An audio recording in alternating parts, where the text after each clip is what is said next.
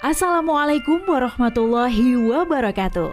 Kawan, sebelum Anda memulai aktivitas hari, kita ikuti kajian syarat hikmah Dialog Fajar. Assalamualaikum warahmatullahi wabarakatuh. Alhamdulillah kawan. Pagi ini dialog Fajar Bersama saya Fitriana Ayu Dengan kawan-kawan pesantren Al-Quran Nurul Falah Surabaya. Sudah bersama kita kawan Ustadz Umar Jaini Pimpinan pesantren Al-Quran Nurul Falah. Assalamualaikum Ustadz Umar. Waalaikumsalam warahmatullahi wabarakatuh. Alhamdulillah. Lancar Ustadz ya ini tadi ya? Alhamdulillah selalu dalam bimbingan Allah Subhanahu wa taala saya sempat ngobrol sama Ustadz Umar. Uh, manusia itu dasarnya itu ada yang baik dan ada yang buruk. Kurang lebihnya begitu ya Ustadz Umar okay, ya. Iya, nah, betul. nah ini mana nih yang dominan muncul di kehidupan kita? Nah, ternyata di situ ada salah satunya yaitu serakah, kawan. Memang serakah itu yang seperti apa? Kita cari tahu bersama Ustadz Umar Jaini. Monggo Ustadz Umar. Terima kasih. Assalamualaikum warahmatullahi wabarakatuh. Waalaikumsalam warahmatullahi wabarakatuh. Alhamdulillah, asyhadu an la ilaha illallah wa asyhadu anna Muhammadan abduhu wa rasuluh. Allahumma salli wa sallim ala habibika sayyidina Muhammad wa ala alihi wa sahbihi ajma'in. Amma ba'du. Mm -hmm. Ya, baik Mbak Ayu. Diskusi kita pada pagi hari ini di acara Dialog Fajar ini mencoba kita memperbincangkan tentang sifat yang ada dalam diri manusia. Salah satunya yaitu sifat serakah. Hmm. Karena serakah ini ternyata merugikan diri sendiri secara kesehatan dan juga merugikan orang lain secara sosial. Hmm. Apalagi sekarang ini dalam situasi yang kita sama-sama merasakan kalau pada diskusi kemarin di dialog fajar kemarin kita diskusikan mm-hmm. tentang bagaimana perlunya mengedepankan sifat konaah mm-hmm. untuk menghadapi situasi yang seperti sekarang ini. Tapi pada sisi yang lain satu sisi menganjurkan untuk apa uh, dalam situasi seperti ini hmm. untuk bersama-sama hidup yeah. dengan me, apa mengencangkan ikat oh, pinggang ya. Iya, Iya. Tapi tapi yang sisi yang lain masyarakat ada yang masih berlebihan malahan. Hmm. Nah, ini kadang-kadang memang uh, kontras ya, paradok satu sisi keadaannya seperti ini masyarakat dihimbau untuk mengencangkan ikat pinggang bahkan sampai ada istilahnya sampai uh, apa sampai lengket gitu ya. Hmm, betul betul. sampai begitu. tapi sisi yang lain iya, tapi ada sisi yang lain masih juga berkembang di sebagian masyarakat kita ada sifat-sifat yang kurang baik itu. Jadi memang kawan, hidup ini di dunia ini pada hakikatnya memang diuji oleh Allah. Diuji oleh Allah tentang apa? Karena hmm. memang dalam jiwa manusia itu diberikan dua sifat, yaitu sifat baik dan sifat buruk. Hmm. Jadi memang manungso itu Mbak Ayu yeah. dicetak oleh Allah diberikan dua, hmm. dua sisi, dua potensi. Yang potensi satu potensi kebaikan, potensi yang berikutnya adalah keburukan ada yang senang berbuat kebaikan-kebaikan, hmm. terdorong untuk berbuat kebaikan, tapi juga ada jiwa kita ini ada yang senantiasa mendorong untuk berbuat tidak baik. Nah, dari sis dua sisi itulah Allah men, apa menguji hmm. di antara dua itu kira-kira sifat nana yang paling dominan. Nah, hmm. Nah, itulah yang diuji oleh Allah. Jika yang dominan sifat baiknya, maka kebahagiaanlah yang akan diperoleh di dunia ataupun di akhirat. Hmm. Bahagia itu kalau simbol kita kan surga ya. Mm-mm. Nah, surga itu terjemahannya ya bahagia. Bahagia mm. apakah di dunia, apakah di akhirat kelak.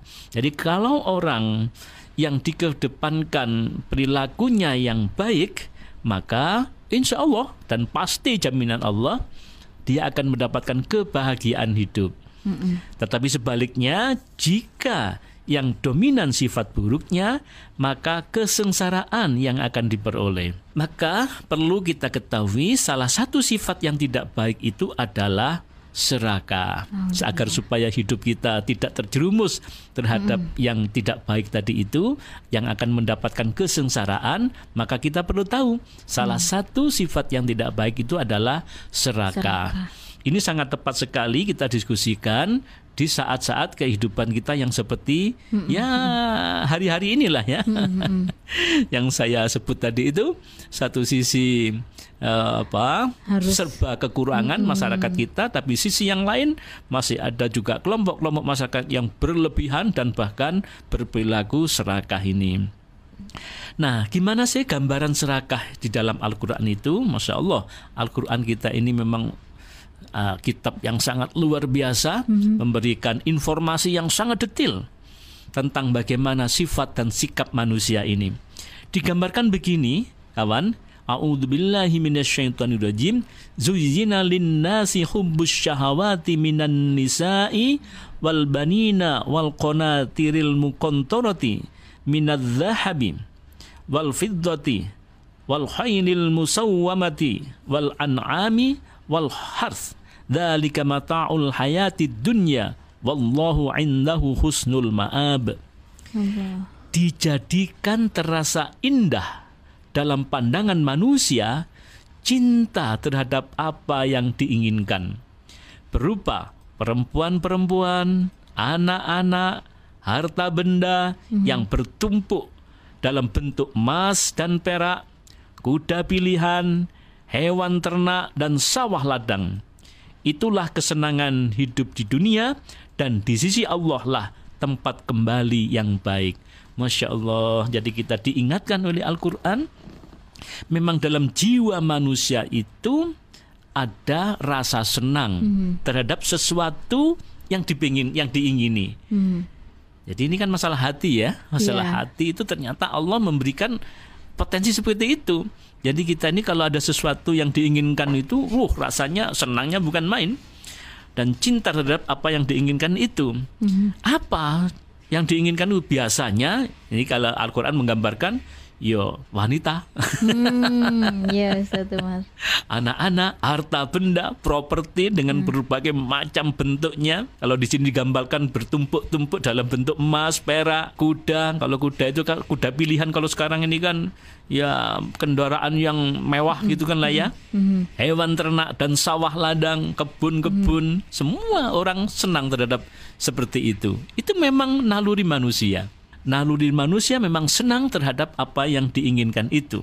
Kesenangan-kesenangan yang seperti itulah tetapi Allah mengingatkan kesenangan hidup di dunia Hmm. seperti tadi itu tetapi di sisi Allah lah tempat kembali yang baik. Itu senang siapa yang nggak senang perhiasan ya? Perhiasan emas, perak segala macam senang manusia.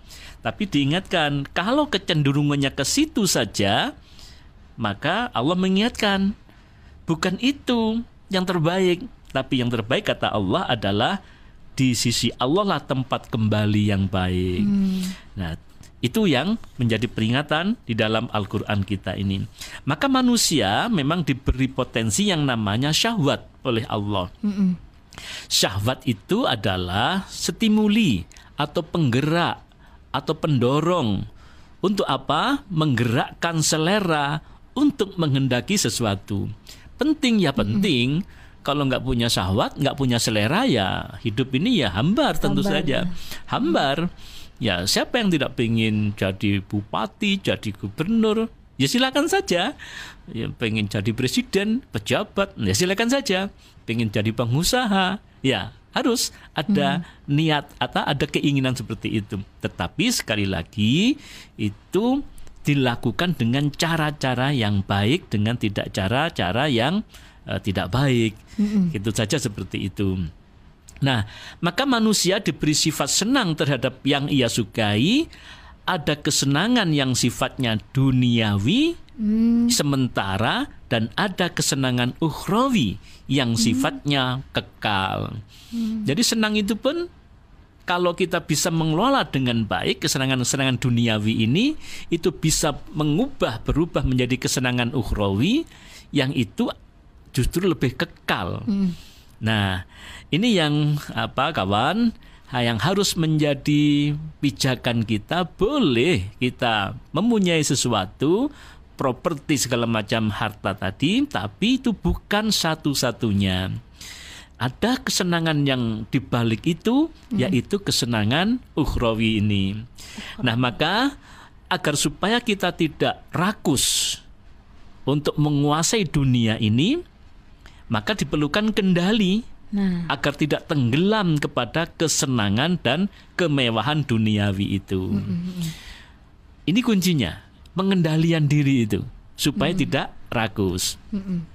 Nah, kemewahan duniawi tidak ada puasnya sementara duniawi itu bukan tujuan utama. Hmm. Sehingga melupakan tugas-tugas sebagai yang lebih suci dan berarti. Jadi kalau kita lengah yang kita kejar duniawi saja, nah maka kita akan menghilangkan sifat apa? Menghilangkan tugas-tugas yang lebih esensial, yaitu tugas yang lebih suci yang akan menghantarkan kita ke hari akhirat. Nah, memang Mbak Ayu, syahwat hmm. itu lebih mudah untuk membangkitkan sifat yang namanya fujur. Hmm. Jadi dalam manusia itu ada fujuroha watak waha disebutkan begitu dalam Al-Qur'an. Ada sifat fujur yaitu sifat-sifat yang buruk yang terpendam di dalam diri manusia. Kemudian ada sifat takwa yaitu sifat-sifat yang baik itu memang dua-duanya ada dalam diri manusia. Hmm. Nah, sifat fujur ini akan muncul kalau orang tidak memiliki kendali. Hmm. Apa kendalinya? tentu kendalinya adalah iman kepada Allah. Mm-hmm. Yakin bahwa hidup ini hanya sementara, yakin bahwa ada kehidupan yang lebih mm, apa? esensial, yang lebih hakiki. Nah, itu yang harus menjadi keimanan. Yakin bahwa semua yang kita lakukan ini ada dipertanggungjawabkan, maka kalau kita punya pikiran seperti itu tidak akan hidup serakah. Amin. Nah, maka setiap saat manusia harus selalu mengelola syahwatnya agar selamat hidupnya. Nah, ini untuk mengendalikan. Untuk mengendalikan itu perlu dikelola dengan baik. Nah, jika salah dalam mengelola akan terperosok ke jurang kenistaan. Hati menjadi mati, tidak mengenal baik dan buruk. Jadi orang-orang yang serakah yang tidak bisa mengontrol dirinya, hatinya mati, atos gitu kan bahasa Jawanya ya. Mm-hmm. dan sehingga tidak mengenal mana baik dan yang buruk dan ini hartanya siapa, ini boleh atau tidak, larangannya kayak apa. Mm-hmm. Diserutuk aja gitu kan. Kalau uh, sahabatnya tadi tidak terkendali dengan baik. Mm-hmm. Jadi hati menjadi serakah mencintai dunia secara membabi buta. Ya, Maka digambarkan dalam Al-Quran lebih, lebih buruk dari binatang orang yang seperti itu. Hmm. Balhum adol gitu kan ya. ya. Kal an'am gitu kan ya. Kayak hmm. melebihi dari binatang malahan. Memang Allah menciptakan benda-benda dunia menjadi indah dalam pandangan manusia sebagai hiasan. Hal ini untuk menguji keimanan manusia agar lebih cinta. Dunia apakah lebih cinta lebih cinta Allah apakah lebih cinta dunia? Jadi kesimpulannya Mbak Ayu, mm-hmm. memang dunia ini diciptakan oleh Allah untuk menguji manusia, sementara manusia memang di dalam dirinya ini ada rasa cinta terhadap mm-hmm. apa yang ada di dunia ini. Nah, kira-kira dari dua itu manusia ini lebih cinta dunianya atau lebih cinta kepada Allah. Nah, yang lulus lebih cinta pada Allah itulah orang-orang yang beruntung.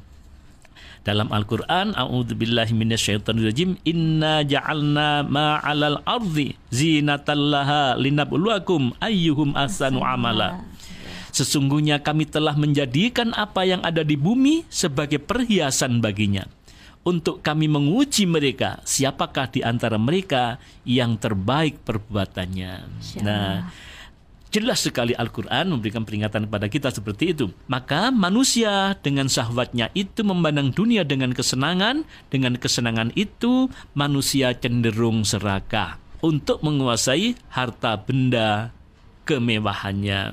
Itu uh, kawan, saya kira harus berhati-hati kita ini agar kita tidak terjangkiti sifat serakah hmm. karena serakah itu hanya kepentingan-kepentingan dunia saja sementara kita punya kepentingan akhirat yang lebih hakiki. Hmm. Nah, kalau kita terjebak pada kepentingan-kepentingan dunia saja, sifat serakah tadi itu, maka hidup ini akan menjadi apa? mental kita ini akan depresi, Mbak Ayu.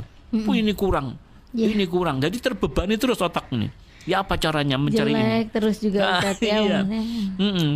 bahkan kadang-kadang frustasi ketika tidak mendapatkan apa yang dia inginkan. Mm ya yang tidak baik lagi kan kemudian melakukan kebohongan-kebohongan. Nah, untuk dia. mencapai apa yang diinginkan. Mm maka sifat serakah bisa merusak tatanan sosial karena menabrak kepentingan-kepentingan orang lain. Insya Allah. Semoga kita semua yang mendengarkan dialog Fajar pagi ini Ustadz Umar dijauhkan dari sifat serakah ya Ustadz. Amin, amin, amin. amin, ya amin. alamin. Baik kawan, terima kasih. Kita berjumpa lagi di dialog Fajar esok hari dan saatnya saya Fitriana Ayu bersama Ustadz Umar Jaini pimpinan pesantren Al-Quran Nurul Falah Surabaya pamit. Wassalamualaikum warahmatullahi wabarakatuh.